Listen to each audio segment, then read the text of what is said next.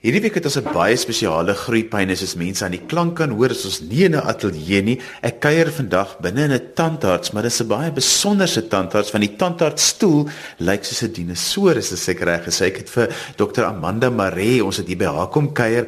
Amanda, vertel net vir ons luisteraars hoe lyk dit binne in jou praktyk? Môre aan môre luisteraars. Ehm um, wel my praktyk is gefokus op kinders, so dis uit en uit nie jou algemene tandartspraktyk nie. So die stoele se dinosourus en daarbo is 'n tablet wat die kinders 'n storie kan kyk en ehm um, die een muur is vol verskeie dinosourusse geverf en elke muur is 'n ander kleur. So ek probeer dit so kindervriendelik as moontlik hier binne maak. As ek onthou van my dae toe ek vir die eerste keer tandarts toe gegaan het, was dit 'n angswekkende ervaring.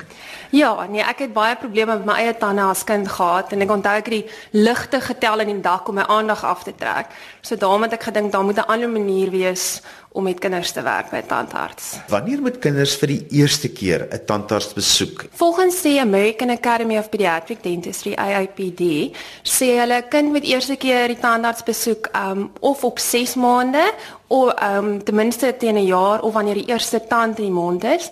Die rede daaroor um voor is meer om 'n voorkomende besoek met die ouers op te tree, om met die ma of versorger te gesels oor um redes vir tandbederf en hulle in te lig om um na die kind se tande te kyk sodat die kind nie probleme sal ontwikkel nie en twee as hulle die kind gereeld tandarts toe bring dan um is die kans vir die kind om vrees vir die tandarts ontwikkel baie minder. So daar word 'n um, verhouding ontwikkel tussen die tandarts en die kind en die ma, so dan sal hy nie bang om tandarts toe te gaan nie. So dis 'n algemene gereelde ervaring vir die kind.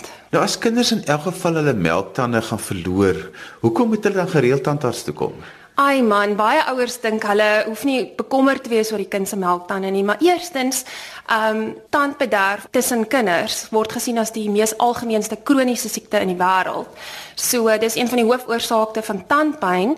Ehm um, nou dink die ouers hulle hoef nou nie die kind se tande te borsel nie, die kind gaan permanente tande kry, maar een, die tande is om te kou. Nou as die tand vrot is en die kind verloor die tand te vinnig, dan kan hulle nie die tande behoorlik kou nie. Twee, dit is verspraak vir al die voortande. Dan ehm um, as die kinders hulle voortande vroeg verloor, dan kan hulle spraakprobleme ontwikkel en 'n baie belangrike ding is jou melktand behou die plek vir die permanente tand. En as die kind die tande te vroeg verloor, dan ontwikkel hulle weer skewe tande en ortodontiese probleme. Wat moet ek as ouer of versorger weet van die proses van tande kry? Wat is die goed wat hulle nie vir my sê nie? Uh, jong, daar's 'n paar goed van dit ek self en ma's. Ehm um, een as die um, baba nou begin tande sny mens blameer alles op tande sny. Ek onthou met Magdalene, dan is hy huilerig nie, nat is die tande wat sny. Ehm um, maar algemene simptome van 'n kleintjie, hulle begin gewoonlik op 6 maande sny, tussen 6 en 9 maande, dan is hulle huilerig, hulle kan um, baie kwylerig wees, 'n neusie wat loop. Die studies sê gewoonlik dat daar nie diarree is nie, maar my kind het vreeslike vrottoeke gehad. Ehm um, en kontroversieel is die feit van koors, maar eintlik moet die ouers weet as die kind koors sit dan is daar gewoonlik 'n ander rede, 'n mediese rede, nie tande nie. En ehm um, ja, en dan sê die feit van die slaap wat ehm um, beïnvloed word. So wanneer wissel ons dan nou van melktande na permanente tande en hoe gebeur daai proses? Ja, so algemeen um, rondom 6, ehm um, begin die kind die eerste keer permanente kiestande kry agter die melktande en die onderste voortandjies begin wissel. En dan so daar's hulle wat hulle noem in Engels eruption sequence of die tyd wat tande moet wissel. Ehm um, nou ongelukkig kinders lees nie 'n boek nie, so partykeer is die norm af. Ek sien baie 5-jarige kinders wat vroeg wissel veral in dogtertjies. Toe ek destyds my teses gedoen het, het ons definitief gevind dat dat ehm um, dogtertjies begin vroeër wissel ehm um, en in Engels noem hulle maturity. So hulle praat van jou dental age en en ehm um, physical age. So dit gaan oor die tande se ouderdom en jou fisiese ouderdom. So algemeen op 6. Ehm um, en dan ehm um, is dit die onderste twee snytande voor wat wissel en gewoonlik op 7 dan het hulle ehm um, so haspekkie dan se twee voortande bo ehm um, wat grootmens permanente tande kry. Ehm um, gewoonlik op 8 is die algemene ehm um, reël dat hulle vier snytande bo en vier tande onder het. Nou die probleem met wissel ek sien baie ehm um, kinders wat Nou wissel die kind in een tand dan is nou maar 'n 'n voorste snytand regs bo, maar dan wil die linkerkantste een nie wissel nie. So 'n algemene reël vir die ouers is wanneer die een tand aan die een kant wissel, binne 6 maande moet die ander kant wissel. En ons wil ook hê dat wanneer die melktandjie uitgeval het, dat die permanente tand so binne 3 maande in die mond moet kom. As dit nie die geval is nie, dan kan daar probleme wees, dan moet hulle tandarts toe gaan. Ehm um, en dan ook probleme wat ons sien is baie keer die melktand wil nie wissel nie. Dan kom die permanente tand uit, ehm um, en dan kan dit, jy weet, dan kom die tande permanente tande skeef uit. So daarom ehm um, is dit belangrik dat wanneer die kinders wissel is ouers enigstens bekommerd is, laat hulle eerder tandarts toe gaan en seker maak want in baie gevalle moet ons dan daai melktandjie wat nie wil wissel nie, partykeer is hy los maar die worteltjies nie heeltemal opgelos nie.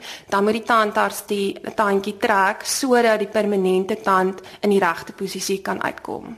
Wat gebeur in die mond dat die tandjie kan loskom en op die ou end hang hy mos later net so in 'n ja. draadjie.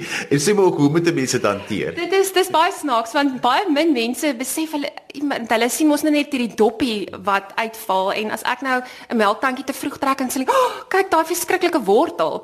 Ehm um, weet jy dit is eintlik wonderlik dat wanneer die permanente tand in die regte posisie kom want hy begin as hy ontwikkel eers die kroon en dan begin die wortel ontwikkel. So as die tand nou ehm um, reg is om in die mond te erupteer, dan skuif hy nou nader aan die melktand. Ehm um, kom ons noem dit 'n chemikalie wat afgeskei word. So die permanente tand skei daai chemikalie af. Um, en dit los basies die wortel van die melktand op. So dan raak die worteltjie al hoe kleiner, al hoe kleiner en um, en en so stoot die permanente tand dan basies die melktand uit en uh, en dan hang hy in 'n draadjie en dan is dit nou maklik vir die ouers om die tandjie te trek by die huis. Nou wil ek juist kom by daai tandjie trek by die huis. het jy enige wenke om dit 'n minder angswekkende ervaring? Want vir die meeste kinders is dit ja. uiteindelik traumaties, maar as die tandemuis nou kom ja. besoek af lê, maar dit is nogal traumaties as die tandjie so hang, want dit kom so dit kom so skielik. Ja, um, ek moet sê die die tandemuis is 'n goeie motivering vir die kinders. Um, ek wens ek kon die video klip gehou het. Ek het verlede jaar uit 'n paar vir my gewys toe hulle die dogtertjie gebring het. So Saina Worshond het 'n baie goeie verhouding gehad.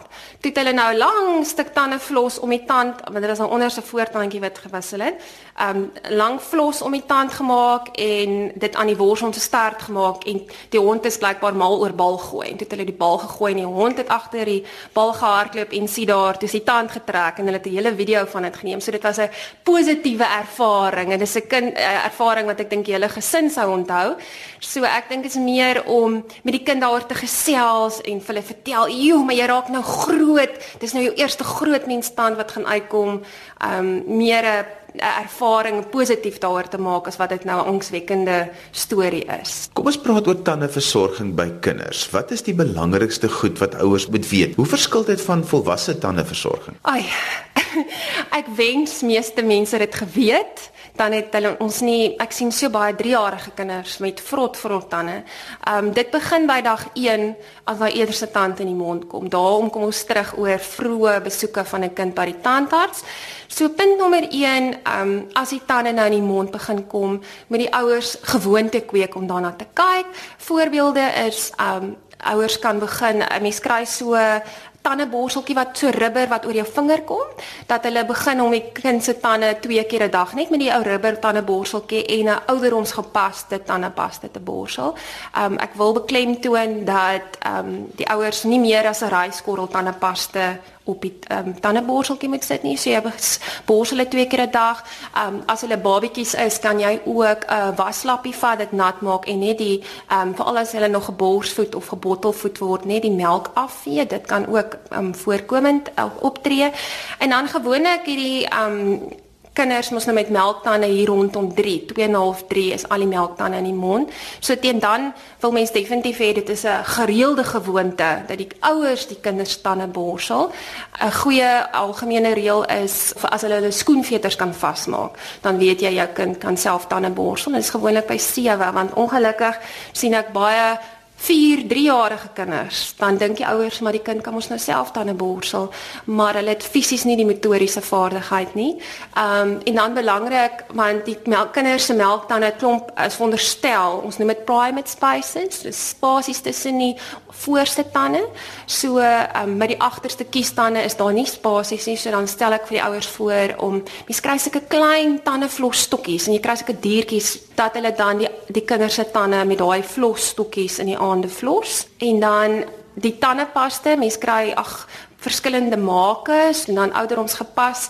Die rede hoekom dit ouderdoms gepas is gaan oor die hoeveelheid fluoried in die tandepaste, so soos byvoorbeeld 0 tot 2 en dan weer 2 tot 3 en dan ensovoorts. En soos wat die ouer ouderdomme meer raak, is die tand ehm um, fluoried meer. So ek weet baie ouers is gekant teen fluoried. So dan kan hulle ook as versorging um, 'n um, produk wat nie fluoried in het nie, byvoorbeeld toothmousse, hulle kan dit by hulle plaaslike tandarts kry en dit het 'n hoë konsentrasie van kalsium en fosfate in. Dit proe lekker na arbei. My dogtertjie is mal daaroor. Na tandeborsel smeer en sit aan. Um en dan 'n baie baie belangrike ding is ouers dink vrugtesap is mos nou gesond maar jou melktand se struktuur is anders as jou permanente tandsin. So kinders is kan baie makliker tandbederf kry in melktande as in permanente tande. So daarom beveel ek ten minste 'n derde sap tot 2/3 water, maar jy kan eintlik maar 'n vyfde sap tot die res in water gee. En dan ongelukkig is die probleem oor die rooibos tee dat um, baie ouers dink hulle kan vir hulle kind rooibos tee en dan heuning want heuning is ons nou natuurlike suiker, maar die heuning is baie sleg vir tande. So as ouers 'n gesonde alternatief vir kinders um, moet gee suiker is 'n xylitol 'n uh, veilige opsie. Weereens um, hulle moet dit net in matigheid gee dat dit nie 'n loopmaagie veroorsaak nie. Ehm um, en ja, dan gereeld elke 6 maande tandarts toe vat, dan kan die tandarts 'n uh, behoorlike ondersoekie doen, uitvind by die ouers hoe gaan dit met die mondhygiëne by die huis want die mondhygiëne by die huis is absoluut die belangrikste ding. Ehm um, en dan kan die tandarts ehm um, fluoriedbehandeling op die tande smeer ehm um, en 'n behoorlike skoonmaakie doen. Vandag kuier ons binne 'n kindertandarts se spreekkamer. Dit, dit lyk amper soos 'n speelkamer en die tandarts se stoel is 'n dinosaurus. Nou Dr. Amanda Maree spesialiseer in kindertande en ons gesels vandag 'n bietjie oor die algemene goed wat ouers en versorgers moet weet van hulle kinders se tande. Kom ons praat 'n bietjie oor skewe tande en en dan seker ook oor draadjies. Ja. Ehm um, dis 'n baie kontroversiële onderwerp. Eerstens wanneer ouers vermoed daar's 'n probleem, die die tande lyk skeef, raai ek hulle aan om tandarts toe te gaan. Hoe vroeër mense probleem optel, hoe beter. Ehm um, ongelukkig is daar baie tandartse en ortodontiste wat die ouers vertel nee, maar kom, die kom ons wag tot ortodontiese behandeling of draadjies tot al die permanente tande in die mond is wat nou hier rondom 12, 13 is en dan begin hulle nou met behandeling. Um so bietjie van myself, ek het 4 mondoperasies gehad as kind en 3 keer draadjies en 8 tande is getrek uit my mond, gesonde tande, omdat daar volgens die persoon net nie genoeg plek was in my mond nie. So daarom is ek baie gefokus op vroeë ortodontiese behandeling en wat kan 'n mens doen om die kind te help? Sonder om hulle nou moet wag tot 12. So die oogpunt van die ortodontiste en tandartse wat sê nee, wag tot 12. Hulle voel die kind is nog nie emosioneel ryp genoeg om die draadjies te hanteer nie. En ja, in sekere gevalle is dit beter om te wag as die kind nou 'n bietjie bang is of jy weet. Ehm um, maar uit my opinie, ek het toe ek my meestersgraad in kindertandheelkunde gedoen het, was my teses uit en uit gefokus op vroeë ortodontiese of onderskeppende behandeling vir al ouderdom 7 tot 10 en daar is geweldig baie navorsing en studies wat regtig positief daaromtrent is. Ehm um, so ek werk saam met 'n uh, Dr. Bert Botha, hy's in Hartbeespoortdam. Hy is my konsultant. So ons sien geweldig baie kinders wat ehm um, hier sit tussen 7 en 8 dan is dit gewoonlik ons sien oeps die tande kom skeef uit die ma kom sien my daaroor um, en dan probeer ons met die behandeling om plek te maak vir die permanente tande. Nou, soos dokter Botha altyd gesê het, um dit hang af wat se bril jy op het. Jy kan nou bril op hê wat sê jong, hier is genoeg plek in jou mond nie. So kom ons trek tande en dan maak ons plek om die tande reguit te maak. Of jy kan die bril op hê wat sê kom ons maak plek vir die tande. Die kind is besig om te groei. Ek meen as kinders um voetstukke kan dra om die groei van die been reg te kry, so kan jy ook die mond se vorming um meer na natuurlike manier bevorder. Um so die behandeling gaan uit en uit om die ontwikkeling en die groei te stimuleer, laat dit meer normaal is. So dan praat ons van 'n eerste fase behandeling. Dit is gewoonlik so 9 maande tot 'n jaar, hier gemiddeld op 8 jarige ouderdom, maar jy kan 'n bietjie vroeër of 'n bietjie later. Um en dan, jy weet, dan maak ons nou plek vir die tande om um vir die permanente tande wat moet inkom en um sorteer ander groei probleme uit as die kaak te ver agtertoe is of die, jy weet baie van die ouers kom aan en dan is die kennis so prominent so dan kan mens daai groei aan werk. En ehm um, dan doen ons 'n tweede fase behandeling gewoonlik hier op 12 indien nodig. Baie ehm um, min kinders het dit dan nodig as hulle eerste fase behandeling gehad het. So ek is definitief pro voor um, vroeë um, onderskeppende ortodontiese um, behandeling alhoewel daar baie mense is wat gekant is daarteenoor. Dit het my net 'n gedagte in my kop geskiet soos wat 'n mens mos nou pediaters kry wat nou maar dokters is wat spesialiseer in kinders. Is daar tandartse wat net soos jy spesialiseer in kinders of kan want ek het nog al gedink 'n tandarts is 'n tandarts. Man, ehm um, oor see in Amerika en in Engeland is dit algemeen bekend dat hulle word geregistreer, hulle verder studeer as 'n pediatriese tandarts. So daar's oral pediatriese praktyke. Ongelukkig word ek nie erken um, as 'n pediatriese tandarts nie. So ek kan nie sê ek is 'n spesialis in kindertandheelkunde nie. Dit is maar as gevolg van die Health Professions Council van Suid-Afrika. Ehm um, so hulle hulle erken nie 'n meestersgraad in dit nie. Maar so dis hoekom dit nie so algemeen is nie. Mense is nie lus om 'n verdere graad te gaan studeer en dit is ek meen jy kan dit by tersiêre ehm um, instansies doen. Ehm um, so mense wil nie verder in dit spesialiseer nie want hulle word nie erken as 'n spesialis nie, maar jy weet dit gaan nie vir my oor die naam dat ek word nou gesien as 'n spesialis of nie. Ehm um, omdat ek 'n passie het oor kinders en ek dink nie baie mense sien die saak so nie.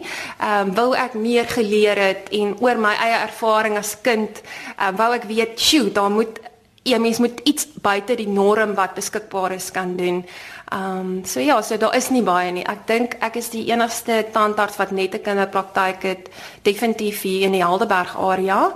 Ehm um, daar is mos nou natuurlik by IWK 'n paar ehm um, dosente wat meestersgrade het in in dit, maar ja, ongelukkig is dit nie algemeen bekend nie en ek dink daarom is ek so besig. Kinders wat op hulle tande kners in die nag. Watter raad het jy daar want ek weet nie of 'n kind met 'n mondstuk gaan slaap nie. Weet jy die literatuur sê ehm um, dit is baie algemeen om ehm um, tussen kinders. Ek sien verskriklik baie kinders wat knars op hulle tande. Ehm um, en dan die raad wat ek vir die ouers gee is as dit nog melktande is, hulle gaan nou met die melktande afknars en ek kan sommer sien as die kind sy mond oopmaak en vra ek hoor die knars jou kind, jy kan die ehm um, ehm um, skade aan die tande sien. Maar die rede hoekom ons nie bytplaatjies vir die aande maak nie is een, as jy nou 'n bytplaatjie vir 'n kind van 6 byvoorbeeld gee om te slaap, dan gaan dit die groei belemmer, dan kan nie want dit gaan gewoonlik na bo die boonste tande. Dan kan jy jou bokaak nou nie reg ontwikkel nie. Um en die tande kan nie wissel soos wat dit moet wissel nie. En die literatuur sê baie van die kinders soos dat hulle groter raak, weet dan um hou hulle op kners. So as die kinders nou al hulle permanente tande in die mond het en hulle kners nog steeds hier 12, 13, dan sal ek vir die ouers sê, "Goed, ons wil die tande beskerm, maar jou kind groei nog steeds." So dan kan mense 'n bytplaatjie maak, maar dan gaan mense maar dit gereeld moet vervang soos die kind groei. Um en dan dan kry mense nou mense soos ek in die aande wat kners. Uh, as 'n volwassene weet dan moet mens definitief 'n bytplaatjie uh, mee slaap. Ehm um, daar's nie spesifieke redes bekend ehm um, oor hoekom die kinders kners nie. Mense dink maar dis stres in die skool of 'n probleme in die huishouding, maar jy weet um, dit is moeilik om te sê wat die rede is. So ehm um, ook die probleem met kners en as mense nou stopsels in die kinders se tande sit, weet dan is hulle meer geneig om die stopsels uit te kners. So uh, ja, mense moet dit maar dophou en wag om af te sluit. Ons tyd is alweer verby vir ons kuiertjie by jou. As iemand nou by daardie deur inkom en tot by hierdie stoel loop, wat gebeur met 'n kind hierso? Verduidelik gou vir ons. Jong, dit hang af wat se toestand die kind is as hulle inkom. Ehm um, ons kry baie kinders wat opgewonde is as 'n ouer. Dit help geweldig baie as die ouers die kinders ehm um, voor die tyd want ek het 'n webtuiste en 'n Facebook bladsy. As hulle foto's wys, kyk al die kindertjies was hier. So as die kind al gesien het hoe dit lyk like op 'n foto, dan is hulle opgewonde vir alles wat hulle sien. Daar's 'n dinosourus en hulle kan 'n filie kyk en ek het 'n Xbox so hulle kan video games speel as hulle sit en wag. Ehm um, so dit help om die kinders opgewonde te maak en dit help as die kind natuurlik nie tandpyn het as hulle inkom nie, want natuurlik as 'n kind pyn het, is hulle 'n bietjie meer emosioneel. Ehm um, so en dit help ook as die ouers nie angstig is oor tandarts toe gaan nie, want o, ek sien so baie ouers, ek is so bang vir 'n tandarts sê hulle en dit is mos maar algemene vrees en ongelukkig dra die ouers daai vrees aan hulle kinders oor. So alhoewel as ek nou vir die bang ouers raad kan gee, probeer om dit nou nie aan jou kinders oor te dra oor te dra nie. En um, en ja dan gesels ek maar met die kinders en ek vertel vir hulle wat ek gaan doen veral as dit nou die eerste keer by 'n tandarts is. Dan sê ek vir die kinders kom ons tel jou tande. Weet jy hoeveel tande het jy in jou mond? En um, dan bring ek nou die tablet en hulle kan nou iets kies om te kyk. So mens maak maar 'n ervaring daarvan um, en ek vat my tyd want jy kan nie soos 'n volwassene net sê kom sit op die stoel ek kyk en ek doen 'n stopsel nie. So dit's 'n langer afsprake so die ouers betaal 'n bietjie meer vir die afspraak maar dit dit tydsgewys langer. En uh, mens moet nou maar op 'n op 'n manier praat met die kinders wat hulle kan verstaan en en um, ja, dan hoop ons dat dit 'n positiewe ervaring is, maar baie van die kinders kom weer terug en hou van tandarts. So uh, die raad wat ek het is vir die ouers veral voorkomend. As jy kind die tandpyn het nie, dan gaan dit 'n meer positiewe ervaring wees en um, dan kan hulle lag laggie uitstap. Jy het nou net verwys na jou webtuiste waar mense dan nou hierdie stoel en alles kan gaan kyk. Gee gou vir ons daai adres. So uh, my praktyk se naam is mos Dino Dent vir die Dinosaur Dentist. So dit is www.dinodent. Dit is D I N O D E N T ehm um, .co.za en hulle kan op Facebook ehm um, /dinodent gaan kyk. Dis en alwaar van ons tyd te vandag. Onthou jy kan weer na vandag se program luister as 'n potgooi. Laai dit af by rsg.co.za. Vandag het ons 'n bietjie gesels oor tandeversorging by kinders en ek het kom inloer by Dr Amanda Maree se praktyk hier in Somerset Wes waar die tandartsstoel 'n dinosourus is. Skryf gerus vir my 'n e e-pos by groeipyne@rsg.co.za. Dan groet ek dan vir vandag tot volgende week van my Johan van Lille. Totsiens.